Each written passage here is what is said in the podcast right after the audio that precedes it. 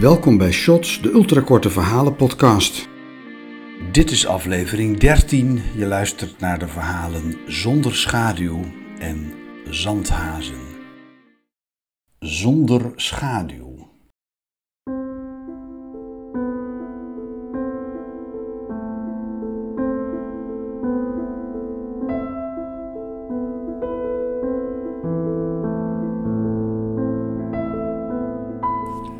Janine is onstuimig.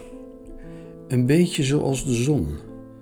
Ze schiet een soldaat van het drugskartel, die haar lastig valt, van zijn brommen. Angst kent ze niet.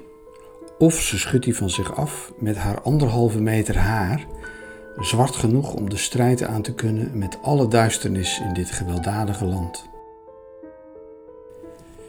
Janine's onstuimigheid kwam een jaar geleden opzetten toen Isaac zijn schaduw kwijtraakte. Het gebeurde rond het middaguur toen de zon recht boven hen stond. Ze waren aan het zoenen en hij ging dood van geluk en zijn ziel vloog weg, hoewel niemand iets opviel. Later die middag, toen de zon zich verplaatste en Janine's schaduw terugkeerde, maar die van Isaac niet, werd het duidelijk. Sindsdien blijft Isaac het grootste deel van de tijd binnenshuis. Buiten zie je hem slechts innig gearmd met Janine, ten einde de afwezigheid van zijn schaduw te verbergen. Maar Janine weet dat Isaac nu een engel is. Hier is achtergebleven om haar te beschermen. Haar kan niets meer gebeuren. Haar moed groeit nog steeds. Ze heeft grootse plannen. Ze overweegt zich voortaan Janine Dark te noemen. Al is ze dan geen maagd. Verre van dat.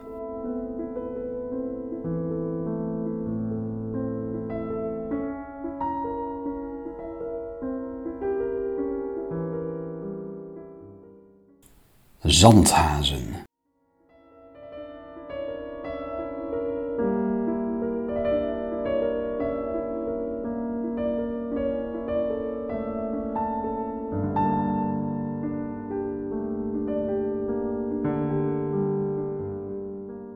Farid de theejongen waste zich stiekem in het boudoir van kolonelsvrouw Gabriela de Funen.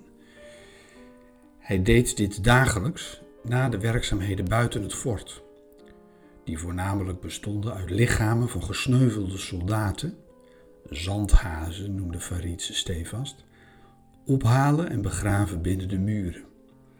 Daar ging hij van stinken. Althans, dat meende hij zelf te ruiken. Maar in oorlogsgebieden zit tenslotte aan iedereen een luchtje. Omdat hij als lid van het werkvolk over stromend water nog zeep beschikte, behielp hij zich op deze manier. Niemand merkte er iets van. Na een tijdje begon het zijn maat, die samen met hem de lijken zeulde, wel op te vallen dat Farid steeds zo bloemrijk geurde.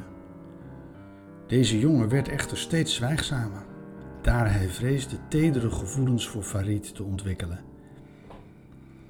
Gabriela kreeg van kolonel de Funen een keer een reprimande in zaken het tempo waarin er steeds zeep moest worden ingevlogen van buiten de woestijn.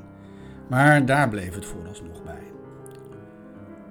Tot de fatale dag waarop mevrouw Gabriela onverwacht haar vertrekken binnenliep, om een paar minuten later door haar eveneens onvoorzien opduikende kolonelsechtgenoot te worden verrast terwijl ze net de poedelnaakte witschuimende theejongen vermanend wilde gaan toespreken.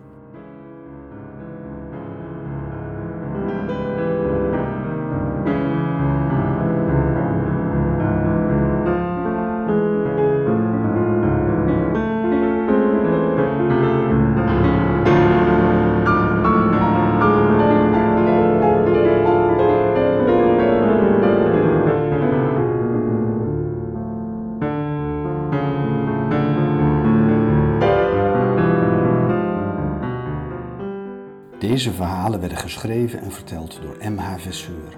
De muziek, de etude voor piano, opus 39 nummer 2 in A mineur van Sergei Rachmaninov, werd speciaal voor deze podcastserie gespeeld en geproduceerd door Jeroen van Veen. In de volgende Shots podcast weer twee nieuwe ultrakorte verhalen. Abonneer je nu.